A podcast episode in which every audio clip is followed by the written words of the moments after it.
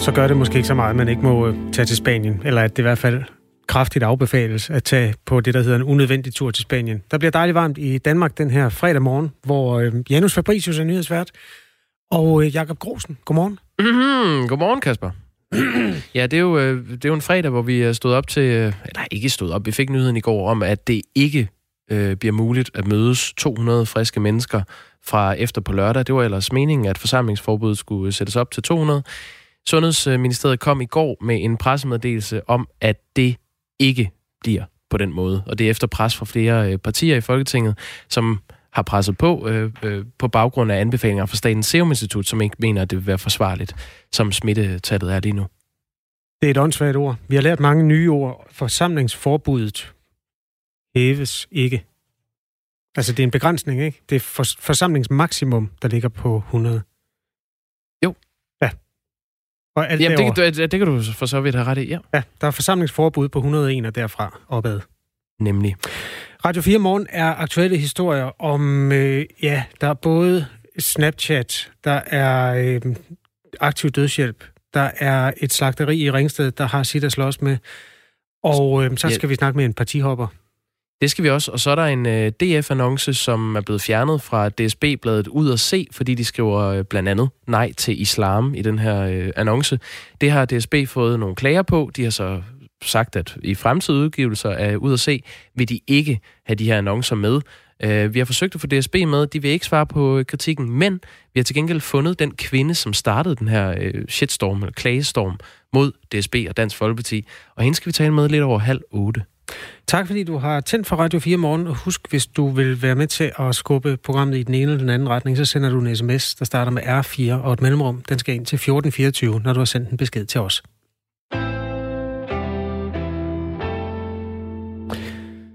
Nu er der 120 ansatte på Danish Crown slagteriet i Ringsted, som er smittet med corona. Det svarer til hver syvende ansatte. Annette Olesen arbejder der. Godmorgen. Godmorgen til jer. Godmorgen. Slagteriarbejder og talsmand for det, der hedder Fabrik 3 på Danish Crown i Ringsted. Du er ikke selv smittet og øh, går på arbejde på fabrikken. Hvordan har du det, når du går på arbejde? Jamen, øh, det bliver mere og mere anspændt, øh, når vi møder ind om morgenen nu. Især her til morgen, kan vi godt mærke, at, at det spidser til. Ellers så, øh, så har jeg det godt, for jeg tager de forholdsregler, der er. Øh, men vi har rigtig meget at lave herude med at informere konstant og hele tiden og berolige vores, vores kollegaer herude. Så øh, det er ikke så sjovt lige nu. De, er, de har været rigtig anspændt allerede her fra morgenstunden af. Prøv at fortælle, hvordan omgangsformen er. Fordi vi har jo været igennem nogle faser i vores samfund, hvor vi først blev meget forskrækket og var gode til at holde to meters afstand. Så svandt, svandt den jo noget ind og blev næsten afskaffet. Hvis man går en tur i gaderne, så er der ikke ret mange, der holder en meters afstand længere. Der er også det der med berøring og sådan noget, at det er måske vendt noget tilbage ude i det offentlige rum. Hvordan er det i jeres frokoststue for eksempel? Er man meget forsigtig med at røre ved det samme bord? Holder, sidder I med to meter imellem jer, eller hvordan gør I det? Håndterer det? Øh, siden marts måned, hvor det her øh, virkelig øh, blev øh, brudt ud, der satte vi øh, noget, vi kalder spritvagter op i, i den kantine, hvor folk de kan komme op og spise. Og der sidder de hver anden stol, og de sidder skråt over for hinanden, og de spritter fingre af, lige så snart de kommer ind i kantinen. Øh, så der er alle forholdsregler taget. Øh, der er sat striber ned, når de står i rækker for at komme op og, og betale op ved kassen. Øh, der er selvfølgelig altid nogen, der lige glemmer det, og så minder man dem selvfølgelig på det, og det er de også rigtig flinke til. Øh, så, så der er det gået rimeligt. Men øh, selvfølgelig ude på gangene, der skal man være lidt over dem. Øh, der kommer man jo til at skal snakke tæt, hvis man skal snakke om nogle ting, øh, også i selve produktionen. Men jeg mener stadigvæk, at alle forholdsreglerne de er taget, men på båndene og sådan noget står de jo stadigvæk tæt for at få produktionen til at køre. Og det er jo også sådan nogle ting, der bekymrer vores kollegaer herude rigtig meget. Fakta i den her sag er, at smitten på slagteriet er gået stærkt. Siden mandag er antallet af smittede gået fra 79 til nu 120. Fordi tallene er så høje, blev alle ansatte på slagteriet testet i går, torsdag. Øhm, I løbet af weekenden kommer resultaterne af den test. Desuden, fremover skal alle medarbejdere testes to gange om ugen. Er du bange for at få corona? Øh, ja, selvfølgelig er jeg bange for at få corona. Øh, det tror jeg, vi alle sammen er. Det viser det jo også. Øh, den måde, det, trygheden, den, øh, den, den bliver mere og mere øh, mærkelig herude. Mm. Øh, men jeg, jeg, jeg mener stadigvæk, at nu bliver vi testet, og det, det ligger en vis dæmper på det. Men igen, problemet er jo, at vi ved jo ikke, hvem det er, der er smittet herude hele tiden. Fordi hver gang, at vi bliver testet, og vi bliver testet negativt, så kommer der jo igen nogen, som er blevet testet positiv. Men du kan jo ikke se det på folk. Og, og, og det løber stærkt fra den ene ende til den anden, når de så hører, at der er en, der er blevet testet positiv. Hvis de har kørt sammen med dem, eller haft skab ved siden af dem. Og, så det giver utryghed. Men nu får man den, den tryghed, at man ved, at man ikke har det. Men du kan jo bare gå ned og handle ned i Netto, så kan du få det igen. Øh, det, det er så lumsk, det her. Der er øh, de historier, der er skrevet om, som vi andre har adgang til at læse, er, at der har været sådan mange af de gæstearbejdere fra Polen, som har, øh, er blevet smittet, som også bor meget tæt sammen.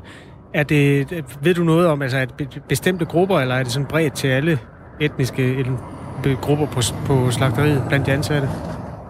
Jamen, det kan godt være, at det er sporet øh, tilbage, og med det starter med en polak, men øh, det er også danskere, det er alle nationaliteter derude, der er med i de der smittekæder nu, og der er også konstateret smitte. Og igen, det kan lige så godt være, være noget, der de har fået nede i Netto. Det behøver ikke være noget, de har slæbt ind fra Polen af.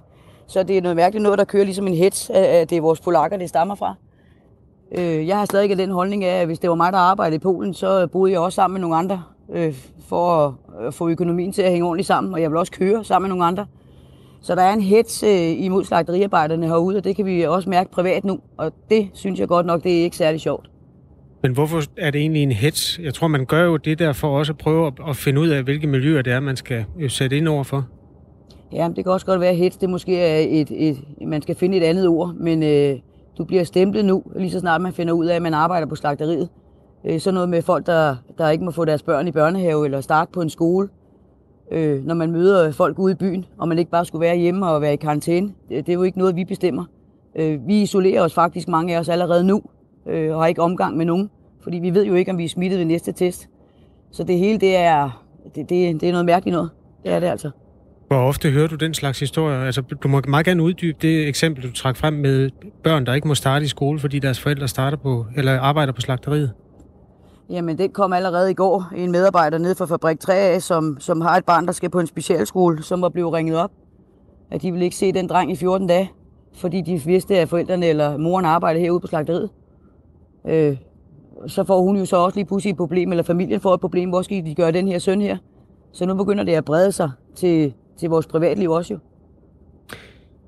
Oplever I det sådan, at Danish Crown har gjort nok for at sikre jer mod corona? man kan altid være bagklog, øh, og der er ikke nogen virksomheder, der har prøvet den her kaliber, som vi står i nu. Øh, jeg, jeg synes, at man har gjort meget, altså rigtig meget. Vi har jo startet allerede fra marts af med at tage, tage restriktioner på, på sprit. Altså vi spritter jo hele tiden. Øh, og vi holder den afstand, vi overhovedet kan, og der er selvfølgelig nogen, der glemmer den ind imellem. Vi er kun mennesker. Øh, jeg kan ikke se, der er godt, der er nogen, der siger, jamen så luk lortet. Men øh, er, er det så også lykken? at blive fyret for sit arbejde og komme på dagpenge, indtil de har fået ryddet op i det. Det kan være, det er det, det ender med. Det må myndighederne tage stilling til. Det er jo ikke noget, vi bestemmer herude. Så jeg, jeg ved ikke, hvad der skal ske. Vi må bare følge udviklingen og så håbe på, at den kurve den begynder at knække. Fordi ellers så har vi da godt nok et gevaldigt problem. Hvor mange skal smittes, før det vil være en god idé at, at lukke slagteriet? Altså det er det tal, der, hvor man nu taler om hver syvende ansatte. Ja, det ved jeg ikke. Det er jo igen sundhedsmyndighederne, der er inde over og, og, og, og, og guide, hvordan øh, ledelsen skal håndtere det her. Men øh, hvis den stiger igen, så, ja, så bliver de jo... Ja, jeg ved ikke, hvad der skal ske herude så. Øh, hvad de kan finde på herude. Fordi de er jo efterhånden ved at være rigtig bange. Men øh, det er jo også det er jo svært med sådan en stor virksomhed. Vi er jo 900 medarbejdere. Øhm, men altså, det kan jo være, det er det, der ender med, og så må vi jo så tage den derfra.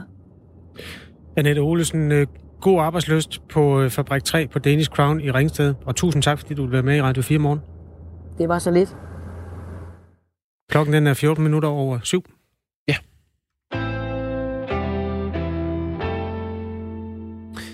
Den pensionerede læge Svend Links, øh, han er også kendt som selvmordslægen. Han er igen blevet sigtet af politiet for at assistere ved øh, selvmord. Han blev sidste år idømt 60 dages betinget fængsel for netop at have været behjælpelig med at assistere folk, som ville tage livet af sig selv. Og hvis øh, den her sigtelse ender med domsfældelse, så skal Svend Lings i fængsel. Godmorgen, Svend Lings. Godmorgen. Godmorgen. Pensioneret overlæge øh, Ph.D., og så altså også kendt som selvmordslægen. Den 3. Øh, marts, der får du følgende besked, som jeg lige vil øh, starte med at læse højt. Jeg vil høre, om du har hov, jeg vil høre, om du har mulighed for at sende den medicinliste, du har på Facebook i en gruppe et sted, hørt om fra en bekendt. Det drejer sig om, at jeg har en ven af familien, som er meget syg, uhelbredelig med kræft og med mange ulidelige smerter dagligt. Vi er alle enige om, inklusive ham selv og familien, at det eneste rigtige er aktiv dødshjælp og hjælpe ham herfra og give en ordentlig afslutning på livet. Han er 87 år. Jeg skriver på vegne af familien, da de ønsker at være anonyme og ikke har overskud til at kontakte. Derfor vil jeg videregive dit svar og medicinliste til dem, så han kunne komme herfra på en værdig måde. Håber, at du vil hjælpe os, og til sidst er der så en bedende øh, emoji. Hvad svarer du på den besked, Svendings? Jeg svarer bare, at øh, selvmordsvejledningen udhæftes. Venlig hilsen. Og så sender du en øh, liste? Så sender jeg en mail med, med selvmordsvejledningen og fortegnelsen og anvendelige medicamenter. Du modtager den her mail klokken 9.16 om morgenen, og klokken 09.41, der har du allerede sendt listen. Øh, hvordan kan du på 25 minutter vurdere, hvem der er i den anden ende af den her mail? Nej, men det synes jeg ikke er min opgave. Det er jo en offentlig tilgængelig vejledning, der ligger frit tilgængelig på øh, internet, og har gjort det i flere år på min hjemmeside. Så jeg kan ikke se, at jeg skal begynde at sortere folk. Jeg får jo mange henvendelser. Øh, der, der er mindst, mindst i reglen hver eneste dag, og samtidig flere. Og jeg kan ikke begynde at tage stilling til, hvem der har fortjent at få vejledningen, og hvem der ikke har. Den er som sagt offentligt tilgængelig, og enhver kan jo bruge den. Ja, det er en manual, du har udarbejdet. Der er en, øh, en lang række medicamenter, der kan anvendes til at begå øh, selvmord, og så er det noget med, at øh, du også beskriver, hvordan man bør indtage de her medicamenter sammen med en drik, man kan lide, for eksempel champagne, og så noget yndlingsmusik, øh, man har, som man kan sætte på imens. Øh, Svend Ings, det her det handler jo om at begå selvmord. Bør du ikke kontrollere, hvem du fremsender sådan nogle medicinlister til? Nej, fordi den er offentligt tilgængelig. Fuldt lovligt. Jo, men så, øh, det her det er jo så et eksempel på en, der, der henvender sig, fordi vedkommende ikke havde fundet øh, den liste. Ved du hvad? Jeg får så mange henvendelser, at jeg kan ikke begynde at sortere i dem. Jeg kan slet ikke overkomme det. Min hjemmeside den bliver besøgt af mellem 1000 og 1500 mennesker hver eneste uge. Jeg kan ikke begynde at sortere i dem, der, der, der må læse den, og hvem der ikke må. Hvad nu, hvis det var en psykisk syg person, som øh, løg for at få fat i listen? Så vil du også henholde dig til, at, at vedkommende bare kunne finde på din hjemmeside? Ja, altså dem, de mennesker, der kommer til mig, de er stort set alle sammen alvorligt syge, og livet er ødelagt. De vil ikke være med længere. Det er dem, jeg hører fra hver eneste dag næsten. Og jeg kan ikke begynde at, at, at, at svigte dem af hensyn til teoretisk mulige misbrugere, der vil øh, bruge vejledningen til noget, den ikke er ment som. Vi har været i kontakt med den kvinde, som øh, har anmeldt dig for det her. Hun ønsker ikke at være med i, i radioen i dag, men hun har sendt flere skriftlige svar til os om, hvorfor hun kontaktede dig. Det var nemlig hende, der stod bag den her besked til dig. Det var en, en falsk besked. Og hun har fortalt os, at hun er sygeplejerske og arbejder i psykiatrien, og hun skriver blandt andet til os. En patient gjorde mig opmærksom på, at en selvmordsmanual, som Svend Ling står bag, lå tilgængelig i en Facebook-gruppe. Det bliver dybt chokeret og bekymret over, da eksempelvis andre psykisk syge patienter også har offentlig adgang til hans medicinske selvmordsmanual. Det mener jeg både er forkert, misbruger hans faglige viden, og så er det selvfølgelig ulovligt. Derfor anmeldte jeg ham. Så spurgte vi hende, om hun ikke havde lukket dig øh, i en fælde ved at fremsende den her man- manual, og til det svarer hun, Svend Links er selv ansvarlig for sine handlinger, inklusive hvad han sender til folk. Han sendte en selvmordsmanual til en tilfældig person. Jeg kunne lige så godt have været en 18-årig med selvmordstanker og planer. Heldigvis var jeg ikke det. Svend Ings, man kan jo mene, hvad man vil om aktiv øh, dødshjælp, øh, men når man, som du gør her, beslutter sig for at hjælpe, så har man vel også et ansvar for at sikre sig, at den person, man rådgiver, er den, som øh, vedkommende udgiver sig for at være. Du kunne jo ikke vide, om det her det var, som kvinden øh, skriver, en 18-årig med selvmordstanker. Hvordan i alverden skulle jeg kunne være mig mod det? Altså, hør lige her. Alle de midler, der står på listen, de, de øh, kræver recept, for det første. For det andet, så så er det jo så er der ingen psykiatriske midler med på medicamentlisten af samme grund. Og, og for det tredje, så kan jeg jo ikke begynde at, at, at svigte de mennesker, der virkelig har hjælp behov, af hensyn til nogen, der muligvis kunne finde på en arme. Hvordan har du det egentlig med, at den ligger offentligt tilgængelig, en manual, du har skrevet til, hvordan man kan tage livet af sig selv, og som kan blive brugt af folk, som ikke er i den gruppe, hvor man kunne sige, at aktiv dødshjælp måske øh, gav mening? Jeg vil sige, det er, det er en nødløsning med nogle kedelige bivirkninger, men øh, mange, hvis den ikke havde været der, så havde situationen været endnu værre for mange mennesker, nemlig dem, der ikke kan få hjælp til at dø. Du blev landskendt tilbage i 2017, efter du medvirkede i et øh, radioprogram på øh, Radio 24 og der fortalte du, at du havde øh, hjulpet mere end 10 patienter med at dø på det tidspunkt.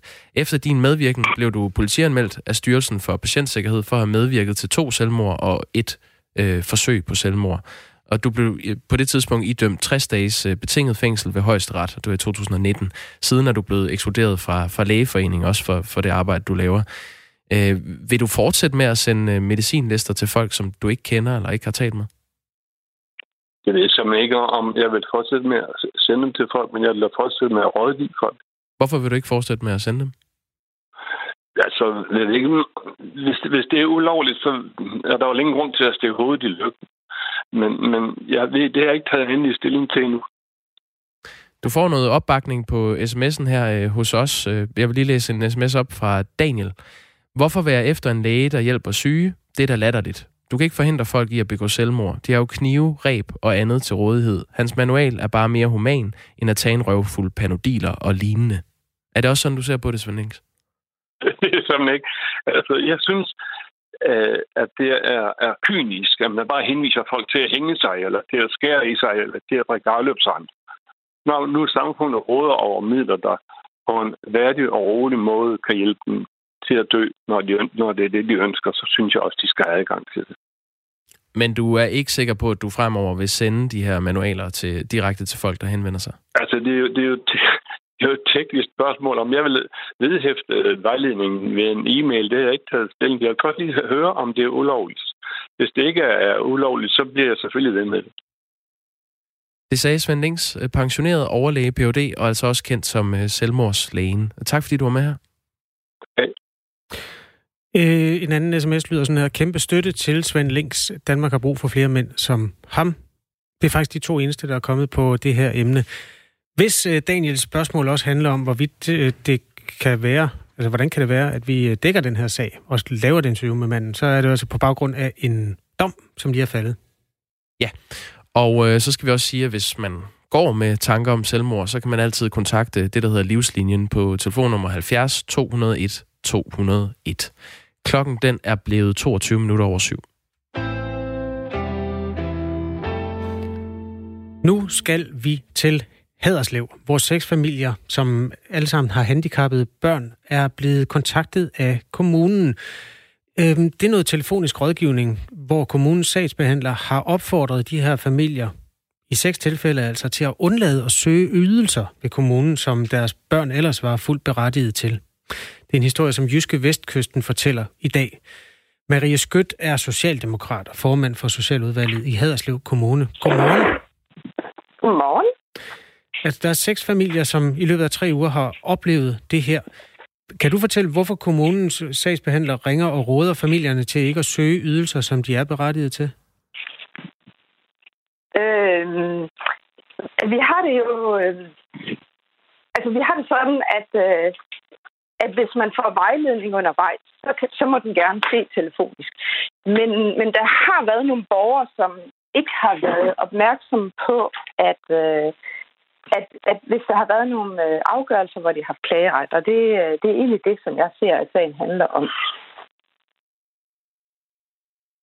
Du bliver nødt til at uddybe, hvordan det kan være, at man råder dem til ikke at gøre brug af af de øh, altså ydelser og klageretter, som der er? Altså, hvordan kan det være i kommunens interesse, at de mennesker ikke øh, gør brug af, af de rettigheder, de har der? Øhm, jamen, øh, altså, de øh, borgere har fået en vejledning, øh, hvor der har været øh, øh Altså, jeg har ikke lige læst øh, artiklen i avisen i dag. Det må jeg simpelthen øh, sige, så jeg, jeg har ikke set øh, det, du øh, omtaler om nu her.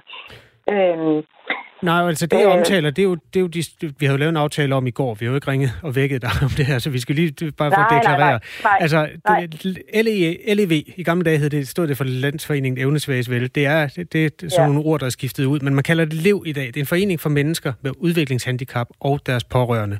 Ifølge ja. formanden for LEV i Haderslev, hun hedder Solvej Laugesen, så er organisationen i sommermåneden her blevet kontaktet af hele seks familier, og i alle tilfældene, der har mm. sagsbehandleren fra Haderslev Kommune, hvor du du øh, sidder i, i udvalget, telefonisk opfordrer dem til at lade være med at søge om ydelser, som deres børn var berettiget til. Og, og det, det er spørgsmålet, hvorfor sker det? Jamen, altså, det har været nogle øh, ydelser, som øh, sagsbehandleren har vurderet, at de ikke var berettiget til. Og det har der så været uenighed om. Og det er jo der, hvor det er vigtigt, at øh, en, en, en, en retlig afgørelse, at den øh, er skriftlig, sådan så at man ved, hvad, hvad klageretten er. Og hvis det øh, alene er en vejledning, så, øh, så kan den være mundtlig, men og i en akut sag, så kan man også lave en mundtlig afgørelse, men, men bagefter skal den være skriftlig. Det, det er ret vigtigt, at de sager, der afslutter sagen, den er, den er skriftlig. Det, der hedder vejledningspligten, det går ud på, at man i Danmark som myndighed har pligt til at imødekomme borgerne og for at hjælpe dem med ikke at misse de ydelser, som de har ret til. Altså, der er masser af mening om ja. vores velfærdssamfund, om der er for meget hjælp eller for lidt hjælp. Men sådan som det er bygget op, er, at man som myndighed og som kommune skal hjælpe folk med at få de ydelser, som de har ret til. Fordi der er jo mm, nogen, der ikke kender ja. reglerne så, så godt, som andre gør. Ja. Øhm, det her det er jo så et praksis, der pludselig er opstået i din kommune, at de bliver råd til ikke at søge nogle ting, som de egentlig har ret til. Hvordan, hvordan forklarer du det? Øh, jamen, altså det vigtigste, det er, at vi har en, øh, et godt øh, samarbejde mellem for, forældrene, og at, at de råd, de får, at de også svarer til det, man vurderer, som, som der er brug for. Øh, og hvis der, og i det, i de tilfælde, hvor der er øh, noget, som de har brug for, jamen, at de så får det på skrift, sådan så at de har mulighed for at, at klage over det inden for fristen. Øh, ja. Øhm, Øhm, jeg tror, sagen er kommet frem efter, at, øh, at altså, der har været et uh, Social- og Indrigsministeriet har lavet et Danmarkskort, hvor de har uh, noteret, at i Haderslev Kommune har vi fået 18 klager i 2019. Mm. Og, uh, og det tror jeg ikke, fordi det er sket andre. i sommeren, det her jo. Ja, ja, ja, ja, men det er rigtigt. Øh, men Lev og andre, de, de mener, at, øh, at det tal ikke er, er, er højt nok i forhold til, øh, at, øh, at borgerne egentlig øh, ikke tør klage, og de gerne vil frem med, med deres... Øh, altså, de, de holder sig tilbage fra at klage over sager, ligesom dem, som Liv hjælper øh, de seks familier med at fortælle om. Men Marie Skødt, formand for øh, Socialudvalget i, i Haderslev Kommune, vi skal bare lige forstå, mener du, at det er ok, at kommunen ikke rådgiver borgere til at søge øh, nogle øh, midler, som de har ret til at søge og få? Hvis de har ret til at have dem, så skal kommunen selvfølgelig rådgive om dem og vejlede om Og har I gjort det? Jeg, jeg har ikke været inde i de enkelte sager, øh, men vi har, vi har præciseret, at øh, skriftlige afgørelser, det er, det er det, der er udgangspunktet i vores, øh, når vi træffer øh, retlige afgørelser. Og kun i få øh, tilfælde, så kan mundtlige afgørelser øh, også gælde. Men, men det vil være en akut sag, der, hvor det starter med at være mundtligt, og så kan det være skriftligt bagefter. Det kan også være øh, altså nogle vejledninger, der gives undervejs. Hvis man var sådan konspiratorisk anlagt, så kan det være, at man sad i et, et svagt øjeblik og tænkte, kan vide, om det her det er en, en spareøvelse fra Haderslev Kommunes side, at man har øh, indstillet til de mennesker, der ringer rundt til de familier med handicappede børn, at de ikke skal søge øh, sådan den fulde palet af hjælpepakker, hvis det kan undgås. Kan du garantere, mm. at det ikke er skruet sammen på den måde? Ja, jeg kan godt forstå, at man som borger og som forældre sidder der og tænker, hvis ikke jeg får det, jeg gerne vil have, så er det nok en spareøvelse. Men, men på området, så er der ikke nogen, øh, nogen sparekrav. Øh, øh, øh, der har været uændret politisk praksis siden 2015 på det her område, så, så det er slet ikke det, der er tale om her. Men det er ikke bare noget, de gerne vil have, det er noget, de har ret til? Ja, ja, og hvis de har, og, ja, og hvis de har ret til det, så, så, så skal de have det, og det er derfor, det er vigtigt, at, at vi skriftliggør der, hvor der er retlige afgørelser. Kommer I til at hjælpe jeres sagsbehandlere med at kende forvaltningsloven endnu bedre? Er det, kunne det være en udløber af den her sag? Altså, jeg ved, vores sagsbehandlere er igennem et intensivt, øh, øh, eller er igennem et forløb, hvor de, øh, hvor de bliver uddannet øh, løbende øh, i, øh, i de forskellige øh, øh, lovgivninger og, og andet, øh, der er relevant i deres øh, profession. Tak skal du have, Marie Skyt. Ja, jeg, jeg, vil, jeg kunne godt tænke mig at sige, at, altså, vi, at vi fortsætter med dialogen for at, egentlig at forstå, hvad det, hvad, det, hvad det er, det handler om. Og øh, jeg glæder mig rigtig meget til, at, komme, øh, at, vi, at vi får dialogen med borgerne. Det lyder også som en, en god dialog at tage. Tak skal du have, fordi du var med i Radio 4 ja. morgen. Marie Skyt, som altså er formand for Socialudvalget i Haderslev Kommune. Søren skriver ind, øh, at han oplever, at Frederikssunds Kommune gør det samme. Vi vil gerne høre den anden side af den sag. Det følger vi op på. Nu er klokken halv otte.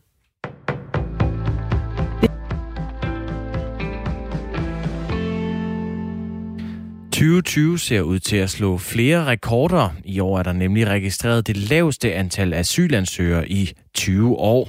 Det var tal fra Udlændinge og det viser tal fra Udlændinge og Integrationsministeriet ifølge TV2. Sidste år søgte lidt over 2.700 mennesker asyl i Danmark, men i de første syv måneder af i år er der kun registreret 830 asylansøgere. Man skønner, at det vil betyde næsten en halvering, når 2020 er omme. Og det glæder udlændinge- og integrationsminister Mathias Tesfaye over. Jeg er jublende lykkelig og glad. Det er den absolute hovedprioritet for mig, at færrest muligt skal søge asyl i Danmark. Mange har jo slet ikke engang brug for beskyttelse, siger han til TV2. Udlændingeordfører med Mads Fuglede fra Venstre mener, at det er for tidligt at juble. Jeg forventer desværre, at antallet af asylansøgere vil stige i takt med, at vi får håndteret coronakrisen, siger han. Udlændingestyrelsen vurderer, at det faldende asylansøgertal kan ende med at spare staten for omkring 359 millioner kroner. Coronafølgegruppen kritiserer den socialdemokratiske regering for at tilbageholde information, det skriver Berlingske. Følgegruppen blev nedsat i forbindelse med, at Folketinget gav sundhedsminister Magnus Heunicke historisk vidtgående beføjelser i forbindelse med coronakrisens start. Den består af sundhedsordfører og medlemmer af Sundhedsudvalget i Folketinget, og følgegruppen mener, at de ikke er informeret tilstrækkeligt. Åbenhed er afgørende. Det har jeg flere gange talt for, og jeg efterlyser stadig mere viden, siger de radikale sundhedsordfører Stinus Lindgren. De konservative sundhedsordfører Per Larsen siger, at informationsniveauet ikke er særlig højt. Det var ellers en af forudsætningerne for at give regeringen beføjelser. Man lavede følgegruppen for, at vi kunne følge med og føre kontrol, siger han.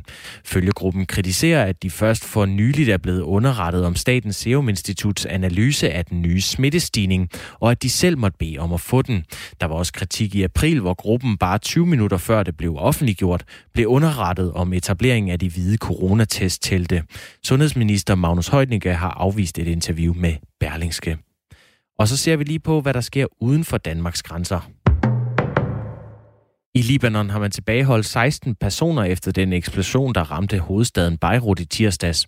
Myndighederne har forhørt havne- og tolvmedarbejdere, der var ansvarlige eller involveret i lageret på havnen, hvor eksplosionen skete. Mindst 145 mennesker er dræbt, og over 5.000 er såret i eksplosionen. Libanons regering meddelte i forgårs, at der indføres to ugers kriseberedskab i Beirut. Op mod 300.000 mennesker er blevet hjemløse, anslår hovedstadens guvernør. USA's præsident Donald Trump har underskrevet et præsidentielt dekret, der forbyder handel med TikToks kinesiske ejere, ByteDance. Ordren lyder, at USA må tage handling her nu mod ejerne af TikTok for at beskytte national sikkerhed. TikTok er kritiseret for at stjæle og bruge data fra de brugere, der downloader appen, og Kina er blevet beskyldt for at benytte dataen til overvågning. Over 19 millioner er nu smittet med corona på verdensplan, det viser tal for, fra Johns Hopkins University tidligt her til morgen. USA er nummer et og Brasilien nummer to, og tilsammen står landene for ca. 40 procent af alle smittede. Optællingen fra Johns Hopkins University inkluderer kun de smittetilfælde, der er bekræftet af de enkelte landes sundhedsmyndigheder, og derfor så kan der være et mørketal. Varmt med en del sol og Temperaturen lander på et sted imellem 25 og 30 grader i dag.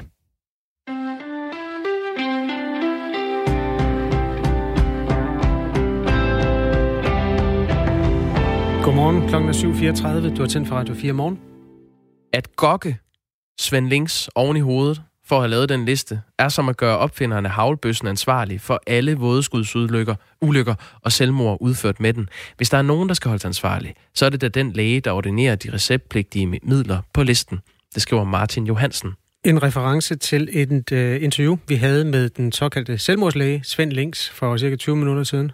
Ja, øh, og grunden til, at vi talte med ham, er, at han altså igen er blevet sigtet af politiet for at assistere ved øh, selvmord. Han blev sidste år øh, idømt 60 dages betinget fængsel for netop at have været behjælpelig med at assistere folk, som øh, vil tage livet af sig selv. Så hvis han bliver dømt, så skal han i fængsel. Tak for sms'er. Lad dem endelig komme, hvis du synes, at du har holdninger eller erfaringer, øh, et, også rigtig gerne, med nogle af de emner, som er op at vinde i det her morgenprogram. Du skriver R4 og din besked, altså R4, et mellemrum skal der faktisk også være, og så din besked, og så er afsted til 1424. Og nu til noget helt andet. Dansk øh, Folkeparti fejrede tidligere øh, på ugen i Flint over, der var en tusse i halsen igen, at deres øh, reklame i DSB-bladet Ud og Se var blevet fjernet. Pia Kærsgaard skrev, hvad F... Punktum, punktum, punktum, punktum, punktum, sker der her? Og øh, Peter Skåb reagerede med, det statsstøttede øh, jernbaneselskab DSB vil nu censurere annoncer fra Dansk Folkeparti i bladet Ud og Se. Boykotten af DF's annonce kommer efter, at en læser klagede over teksten Nej til islam. Hvad foregår der? Og det er jo altså i de der krydsord, som der er i øh, Ud at se, som er et gratis blad, et månedsblad, som ligger i to, øh, hvis man kører med dem. Og øh, det, det er nede i hjørnet. Når man har siddet og gættet, så kan man lige øh, lave øjnene hvile på den. Ja, jeg står med den her faktisk, øh, krydsorden, hvor der er de to annoncer. Øh, det er to billeder. Det ene er et øh, billede af øh, partiets formand, Christian Thulesen Dahl, og teksten Nej til EU, ja til Danmark. Og så er der et øh, billede af et vejende Dannebro nede i højre hjørne, og det, det her det, øh, bliver lidt øh, lakrids. Nej til EU, nej til islam, ja til Danmark. Vi har forsøgt at finde ud af, hvorfor den her DF-annonce er blevet fjernet, men DSB har ikke ønsket at stille op til interview.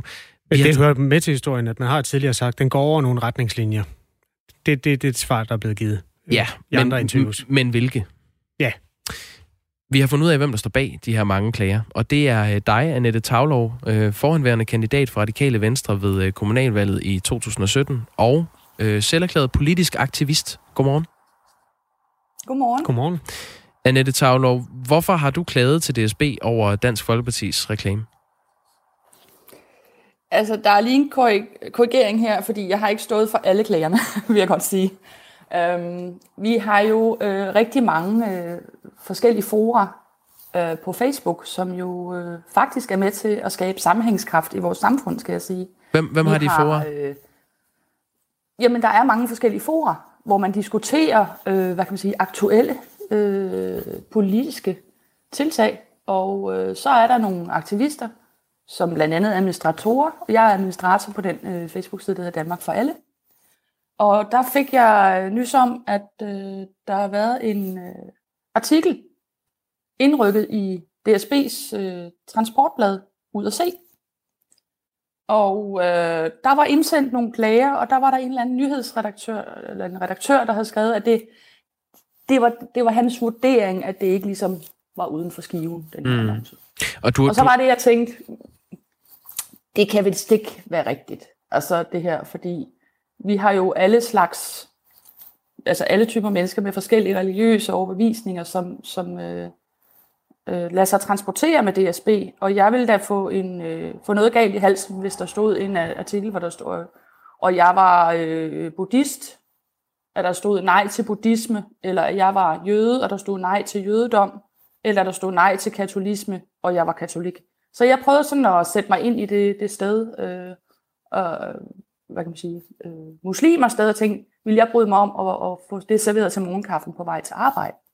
Mm. Øhm, det, det jeg sådan set gjorde, det var, at jeg kontaktede Benny Engelbrecht, transportministeriet, og talte med hans sekretær, og sagde, at der kunne godt komme en sag ud af det her, i forhold til transportministeren, der vil blive stillet til regnskab for, fordi han er jo den øverste ansvarlige for, for det offentlige kan man sige, transport. Ikke? Du har, du har oplyst til os, at du har øh, aktiveret hele dit netværk øh, for at få øh, folk til at klage over den her reklame. Hvor mange tror du har klaget øh, på din opfordring?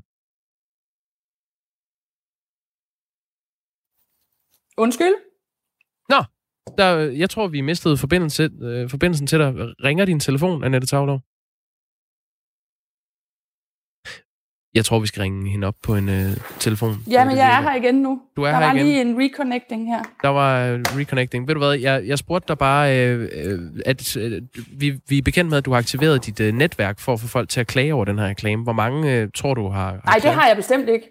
Jeg har ikke aktiveret mit netværk. Nå. Netværket var aktiveret, da jeg, da jeg opdagede, at der var en uh, sag, som, som, som var, havde interesse for, for alle Øh, der bor i Danmark, og som alle har interesse i, at vi alle sammen skal have lov at have vores religiøse overbevisning, som i øvrigt er henhold til grundloven.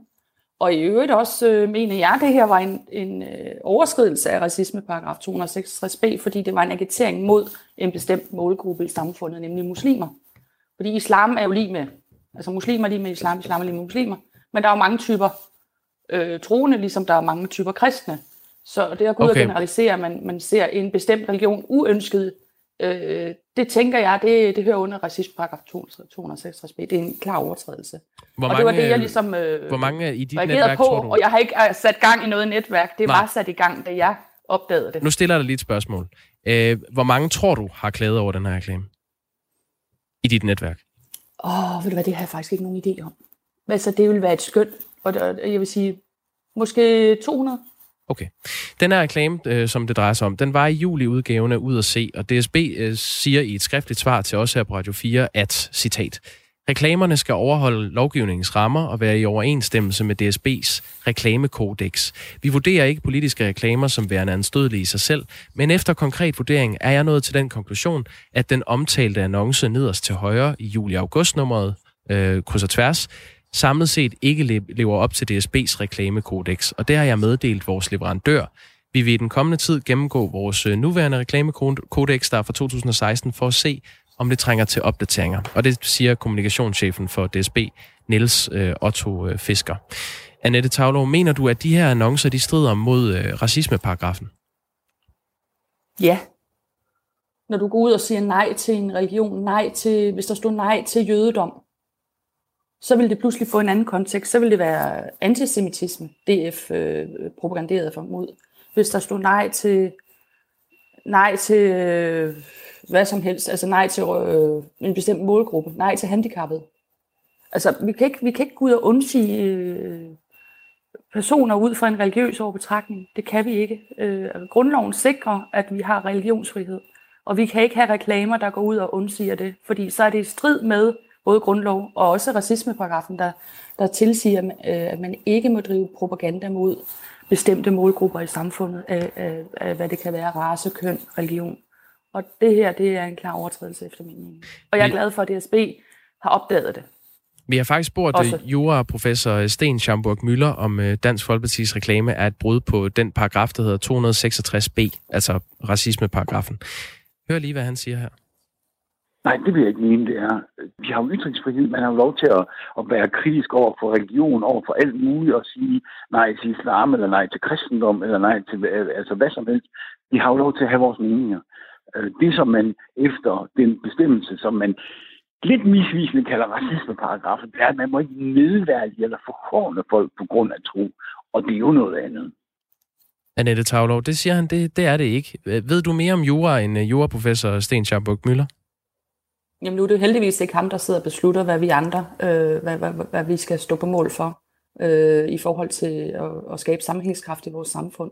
Og jeg er glad for, at det ikke er ham, der sidder i, i, og beslutter den slags. Jamen, det er jo ret afgørende, Øh, om det er nogle holdninger, man er Jo, uenig jo, med, men det er jo hans noget, der holdning. Det er jo stadigvæk ulovligt. hans holdning. Han er jo ikke dommer. Øh, Nej, men han er i juraprofessor, Øh, øh, så jeg spørger det lige, kan man jo ved sagtens du, være. ved du mere om jura, Øh, end han gør? Men, men det her, det handler altså om, at der er nogle mennesker, som benytter sig af DSB, en stor målgruppe, som, som, øh, som tilslutter sig en bestemt religion, som skal føle sig krænket, når de sidder til morgenkaffen og udfylder. Det synes jeg er, u- det er uetisk. Altså, man behøver jo ikke at, og, hvad kan man sige, at være sådan stiv i forhold til, når man går ind og analyserer en lov. Man kan også gå ind og se, er det her noget, der skaber noget kontrol, og hvad kan det føre med sig? Hvad kan det her føre med sig? Men der er jo ytringsfrihed Så her skal til vi til lands, sidst så sidde i og læse har i alle offentlige blade, at vi siger nej til islam. Men hvorfor? Altså, hvad er meningen med det? Hvad, det- hvad, hvad skal vi se på det her øh, hele tiden? Den her DF-angreb på bestemte øh, øh, grupper i samfundet. Der er jo en konkurrence mellem DF og NB, og så det her SK-parti, hvor de hele tiden øh, slår ned på islam, som om, at det er simpelthen øh, det største problem, vi har i Danmark. Annette Tavlov, Og- og- øh, det og er jeg derfor, vi synes har bare, en det er lovgivning. Nej, Det er nu, nu, ved du hvad, nu, nu er jeg simpelthen nødt til at stille dig et spørgsmål, for ellers så bliver det en ene tale for din side. Jeg vil, jeg vil gerne have, at du svarer på mine spørgsmål. Ved du mere Det om, gerne. om jura end juraprofessor Sten Schamburg Møller, når han siger, at det her ikke er i strid med racismeparagrafen? Ved du hvad, det sagde man også, da, Ras, øh, da Rasmus Klump fra øh, stram kurs gik ud og, og, og talte nedsættende om muslimer, og han gjorde det mange gange. Rasmus Han gjorde det rigtig mange gange. Og jeg kan fortælle dig en ting. Rigtig mange muslimske børn, de har lidt under den her hets. Og jeg synes, det er på tide, vi sætter en kæppe i hjulet for de her mennesker, som taler så nedsættende og skaber en nedværdigende debat om øh, en bestemt trosretning. Vi vil ikke have det i Danmark, og jeg synes, det her det er på tide, vi tager en, øh, en, en, øh, vi, vi, vi har en holdning til det her, og det ikke øh, ender i et værdiskred, som det faktisk var ved at blive. Jura øh, og før holdninger er vel ikke det samme? Altså, der er jura Det på er en det side, absolut. og så er der, øh, nu skal du lige vente på, at der kommer et spørgsmål, så kommer du med svaret. Jura er en ting, så er der politiske holdninger, som er en anden ting. Ved du Jamen, mere vi ved om jo, jura- at Stram Kurs øh, har et agiteret mod islam, og han har sluppet afsted med det langt hen ad vejen. Gider du vente på folk blev- har, har du tid til at vente på, at spørgsmålet kommer? Nu, nu kommer der et ja-nej-spørgsmål. Ved du mere om jura end juraprofessor Sten Schaumburg Møller? Nej, men jeg ved mere om øh, civile øh, holdninger, end han gør. Og Garanteret. mere om, hvad der foregår i samfundet. Ja, det gør jeg. Men jeg Men- ved ikke mere om jura. Annette Tavler, det er jo det, der er ret afgørende, altså om det her det er i strid med racismeparagrafen, eller om det falder ind under øh, den øh, ytringsfrihed, som vi har her til lands. Du er jo selv tidligere medlem af af Radikale Venstre, og var blandt andet opstillet til kommunalvalget i 2017 for, for det parti. Er det her ikke bare dig, der forsøger at lukke munden på nogen, som du er politisk uenig med? Nej, altså, vi har været måske 200, der har sendt en klage. Så- Jeg har ringet til Benny Enkelbricks sekretær i Transportministeriet og sagt, jeg synes, at han lige skulle kigge på, på hvad der foregik øh, i, redakt- altså i det redaktionelle øh, rum øh, på det her offentlige øh, DSB-blad, hvad der blev rykket ind, fordi det var måske ikke øh, helt i overensstemmelse med øh, de brugere, som benytter sig af DSB, af deres øh, øh, hvad kan man sige, værdier og, Hvor- og hvor ved du det fra? samfundsværdier i det hele taget. Jamen, det er jo, jeg ved det jo, fordi at jeg er jo i kontakt med rigtig mange mennesker, og vi er jo mange, der er rigtig trætte af den her nedsættende debat, der er om muslimer. Vi gider det ikke mere. Og det her er jo et nej til islam. Det er jo en direkte øh, propaganda mod en religion. Det er det jo. Og det er snedet ind under sådan en lille hyggekryds og tværs. Og det er jo typisk DF at snige det ind på den her måde. Ikke? Og, og, og de skal bare ikke have lov til det. Fordi det skader vores øh, samlingskraft i samfundet, det skader vores øh, øh, trivsel. Det skader børns trivsel. Det skader øh, alle Vi har altså en, en juraprofessor, som ikke vurderer, at det her det er øh, ulovligt. Men, men derfor Han er en du... person. Han er en person. Han er ikke en fortaler for hele samfundet. Han er en juraprofessor. Mm. Annette Men stadigvæk er Tavler- han ikke fortaler for, for vores samfund. Foranværende kandidat for øh, Radikale Venstre ved kommunalvalget i 2017, og øh, med egne ord politisk øh, aktivist. Tak fordi du var med her til morgen. Selv tak. Fuck jura og fakta, for jeg har følelser, skriver Silas. Øhm, en anden skriver, nu har vi hørt nok fra den øh, diktatoriske meningstyran, står der med tanden. Hun skal ikke bestemme. Det må være juraen, som vinder. Er der også en, der skriver. Islam er det største problem i Danmark. Punktum. Basta. Punktum. Står der i en. Mm, Mon DSB har modtaget penge for den DF-reklame. Øh, der er visse religioner, der mener, det er ok at dræbe dem, der ikke har samme religion som de selv. Vi har ytringsfrihed. Nu har Annette troet, hun havde ret, men det har hun åbenbart ikke. Øh, jævnfør juraprofessoren. Annette, jeg føler mig også krænket af en bestemt religion. Det er Mia. Mm, Aldrig har jeg været så enig med en gæst, som jeg er med Annette. You fucking go, girl. øhm, takket være hende drukner vi i islam. Nedsættende debat. Rasmus Klump. Hvad gør hun selv? Ja, der vil vi godt... Øh, og hvis ikke hun fik forstået det, altså man må faktisk ikke kalde hinanden øgenavne i Radio 4 morgen. Jeg kan huske, da vi havde Rasmus øh, Paludan herinde på et tidspunkt, hvor han kaldte en højesteretsdommer for et, et dumt svin eller sådan noget. Der fik han samme besked. Vi må simpelthen ikke... Øh, og vi skal prøve at se, om vi kan skrue lidt ned for de der øh, skældsord. Det bliver langt kedeligere, men det er bare en regel, vi har. Sidste sms for Daniel. Hun vil have sine holdninger igennem. DF har deres. Er hendes holdninger bedre end andres? Det er da en arrogant holdning, hun har. Hun kan jo bare indrykke sin egen annonce. Hun skader vores samfund i lige så høj grad som DF. Klokken den er 7.49. Du hører Radio 4 morgen. Og øhm, ja, alle de her mennesker, de har taget telefonen frem og gået i sms-feltet og skrevet en besked, der starter med R4 og et mellemrum. Og så har de sendt den til nummer 1424.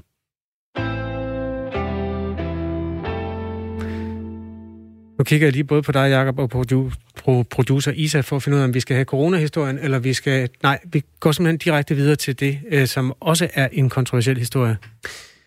Den handler om Freja Cirkeline Bayfeld Evans. Øh, da hun var 14-15 år, og siden har hun tjent penge på at sælge intime billeder af sig selv over Snapchat. Øh, det er ikke noget, hun gør længere, men for salget af de her billeder har hun tjent op mod 70.000 kroner på at sælge billeder i løbet af et år. Det fortæller hun i en ny TV2 Echo-dokumentar.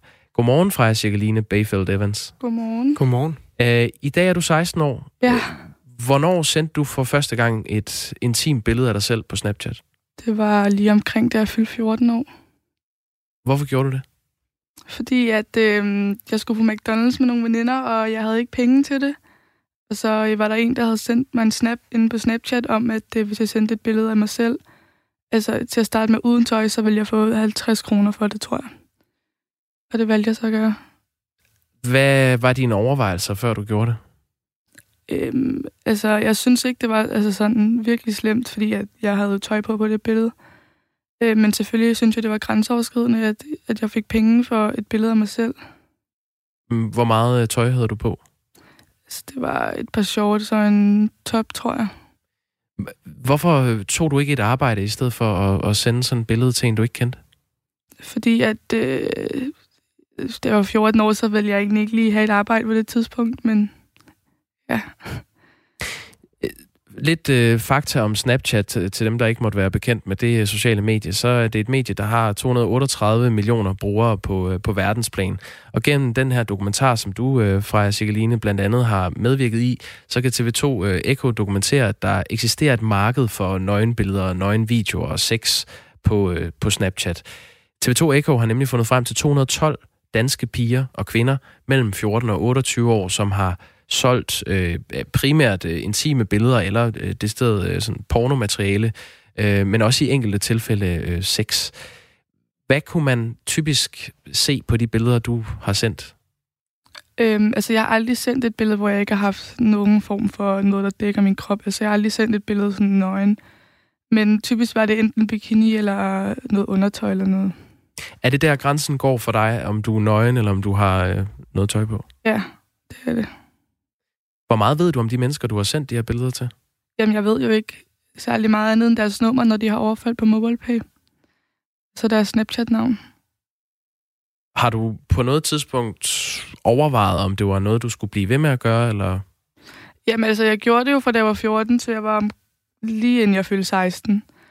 Øhm, så det, det er noget, jeg har gjort i lang tid, og nogle af mine veninder har også gjort, så det var bare normalt-agtigt. Hvorfor tror du, de her mænd, de gerne vil have de billeder, du sendte til dem? Jeg tror, det er noget at gøre med, at det er meget, sådan lidt mere personligt, at de ved, at det billede det bliver sendt til dem, i stedet for at gå ind og se noget porno eller noget måske. Har du nogensinde fortrudt, at du har sendt nogle billeder?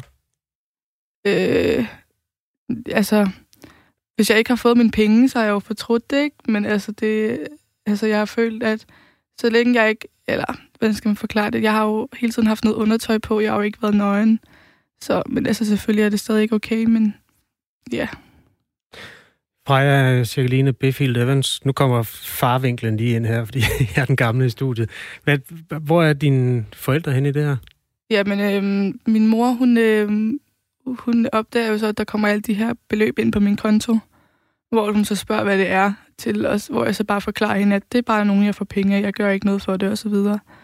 Men hun tror ikke rigtigt på det. Øhm, så det, hun blev ved med at spørge mig, hvor jeg så til sidst måtte øhm, forklare hende, hvad det var. Og så var det så, at hun kontaktede TV2 Eko, da hun så, at de også havde lavet noget lignende. Kan du forstå hendes reaktion? Ja, det kan jeg sagtens. Freja Cirkeline Bayfield Evans, vil- vil du, øh, vil du gøre det her igen i dag? Nej, det vil jeg ikke. Hvorfor stoppede du med det? Fordi at øh, jeg fik en kæreste, som øh, ikke syntes, det var så fedt, at jeg skulle sende billeder af min krop til folk. Jeg tror, der sidder mennesker og hører din historie, og så tænker for det første, hvis de er forældre, så tænker de, hvordan kan jeg få min datter til ikke at gøre det? Det tænker jeg faktisk selv, hvis jeg skal være helt ærlig. Ja. Øhm, så sidder der måske også nogle unge mennesker og tænker, øh, skal jeg gøre det, eller skal jeg ikke gøre det? Lad os starte med et godt råd til øh, de unge mennesker. Skal de gøre det, eller skal de ikke gøre det? Altså, jeg synes, de skal lade være med det, fordi at, øh, altså, det er nemme penge, det er det, men da jeg fik et job for eksempel, så øh, altså, jeg blev bare så doven, fordi så tænkte jeg, at på en hel månedsløn, der har jeg tjent det samme, som jeg kunne have tjent på for eksempel to billeder. Så man får ikke rigtig det, det sunde forhold til penge, som man skal have. Har det haft nogen negativ konsekvens for dig med de der billeder? Altså, vi hører jo tit historier om nøgenbilleder, eller let påklædte billeder, der forfølger mennesker, hvor de altså på en eller anden måde bliver eksponeret, hvor det ikke er rart mere. Har du haft sådan nogle oplevelser? Nej, altså selvfølgelig har jeg nogen, der har vidst, mine veninder har vidst, at jeg har haft sendt nogle billeder, da de også selv har gjort det, og så er det kommet lidt rundt i vores by og sådan noget, men det er ikke noget, jeg har fået sådan decideret sådan der had på eller noget. Og der er aldrig nogen af mine billeder, der er blevet delt. Det kan du faktisk ikke vide. Nej, men jeg, har ikke, jeg ved ikke, om de er blevet delt. Altså, jeg har ikke fået dem vist eller fået at vide af nogen, at de har set mine billeder. Er, er du træt af i dag, øh, nu hvor du er 16 år, og det, det stod på, da du var 14-15 år, er, er du træt af, at der er nogle mænd, der har billeder af dig i undertøj, for da du var 14 år? Ja, jeg synes, jeg synes det er klamt, at, de, at hvordan de mænd kan tænke, at de, yes, vi skal have et billede af en 14 år, og vi giver gerne nogle penge for det. Altså, jeg synes virkelig, det er ulækkert. Så tager vi forældrevinkelen. Det gode råd fra dig, som er 16 nu, til forældre, der har teenagebørn. Fordi altså, det er jo en del af de år der, særligt når man sådan tidlige øh, pubertetsår der, der tager man jo afstand. Man ønsker jo ikke at, at dele sine tanker og sit privatliv på nogen måde med sine forældre. Sådan går jeg ud fra, at det også var for dig i de år der. Altså, ja. Altså, man har sådan sit private rum der. Hvordan kan forældre få lov at hjælpe deres børn med ikke at tage en beslutning, de fortryder? Øh, altså, man, som forældre har man jo, øh, hvad hedder det, styringen over børnenes konto, eller som for det fleste har, ikke? Så kan de jo se, om der kommer alle de der beløb ind for alle mulige, og så hvis der kommer alle mulige mærkelige beløb ind, så synes jeg bare, man skal spørge dem direkte, og så blive ved, fordi at til sidst så siger man sandheden. Nu hvor du er blevet ældre, så er øh, det sociale medie Snapchat jo også blevet ældre og lidt mere outdated. Det er ikke rigtigt der, de unge er længere. De er mere på Instagram eller det, der hedder TikTok. Deler du intime billeder af dig selv på Instagram i dag? Nej, det gør jeg ikke. Hvorfor altså, ikke? Øh, fordi at... Øh, det, altså jeg synes, altså på min Instagram, der vil jeg godt lægge flotte billeder op og sådan noget, og jeg synes ikke lige, øh, måske nogle undertøjsbilleder lige er det, der passer til min Instagram. Freja Sigeline Bayfield Evans, øh, som altså tidligere har solgt øh, billeder, intime billeder af sig selv på, på Snapchat. Øh, tak fordi du stillede op her til morgen. Selv tak. Respekt for det. Respekt til dig, og god dag også. Lige måde. Og god dag til dig, der hører Radio 4 morgen. Der kom en, der kom en sms, Jacob, hvor der står, jeg bliver nødt til at stoppe med at høre jeres radio. I er simpelthen så akavet, stort set, i forhold til alt, hvad I laver. Især interviews. Tusind tak. Og interviews er jo det eneste, vi laver, så derfor er det nok øh, godt at stoppe der. Men det er især, når vi gør det, at det er virkelig akavet. Ja. Der, der er altså også en, der skriver kæft, I er gode her til morgen. synes jeg bare, vi skal med. Hvis man vil have slukket sin radio, så er vi simpelthen nødt til at bede folk selv om at gøre det, fordi vi har ikke den øh, decentrale afbryder herinde. Den sidder hos dig, øh, kære lytter. Tak for en sms, der starter med R4 og et mellemrum og beskeden til 1424. Vi kan godt lige nå at løfte sløret for, hvad vi skal lave på den anden side af 8. Den her virus kender ingen grænser. Øh, den kender ikke etnicitet. Øh, den er ligeglade med, hvor, hvor folk bor øh, og, og hvad de tror på. Øh, og derfor er det her noget, som alle øh, skal være øh, opmærksom på. Det var borgmesteren i Aarhus Kommune, Jakob Bundsgaard, som til et pressemøde i går øh, talte om blandt andet, hvordan myndighederne vil forsøge at begrænse coronasmitten, der stiger i øjeblikket.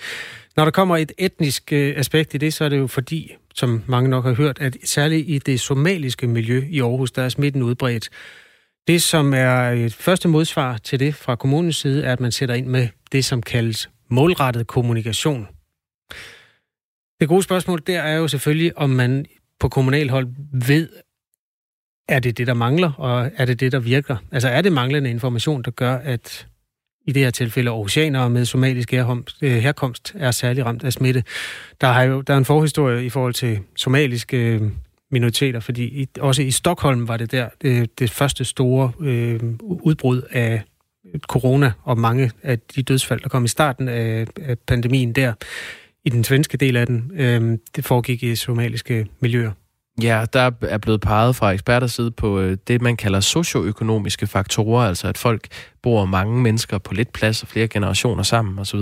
Øhm, men det her det er altså et oplysningsarbejde, man vil i gang med, og vi har jo været på gaden og tale med øh, nogle herboende øh, danskere med somalisk herkomst, og spurgt dem, hvorfor de tror, at der er øh, øh så stor smitte i, i det miljø og øh, det skal vi også høre noget fra. Så skal vi også til en debat i Esbjerg, hvor et medlem af byrådet har skrevet under på, at hvis han melder sig ud af sit parti, så vil han give mandatet videre. Nu har han så meldt sig ud af sit parti, det er Dansk Folkeparti. Men i stedet for at give sit mandat videre, så fortsætter han som løsgænger. Det er jo en sjov sag. Vi, det... vi skal spørge ham, hvorfor han skal under på den aftale, når han ikke har tænkt sig at overholde den. Det vi ved er, at han siger, at øh, Dansk Folkeparti har forandret sig. Altså at det parti, han stillede op for i sin tid, ikke er, hvad det plejer at være. Det var en anden tid dengang. Det er det. Øh, lige nu er tiden øh, øh kommet til 8.00. Du hører Radio 4 morgen.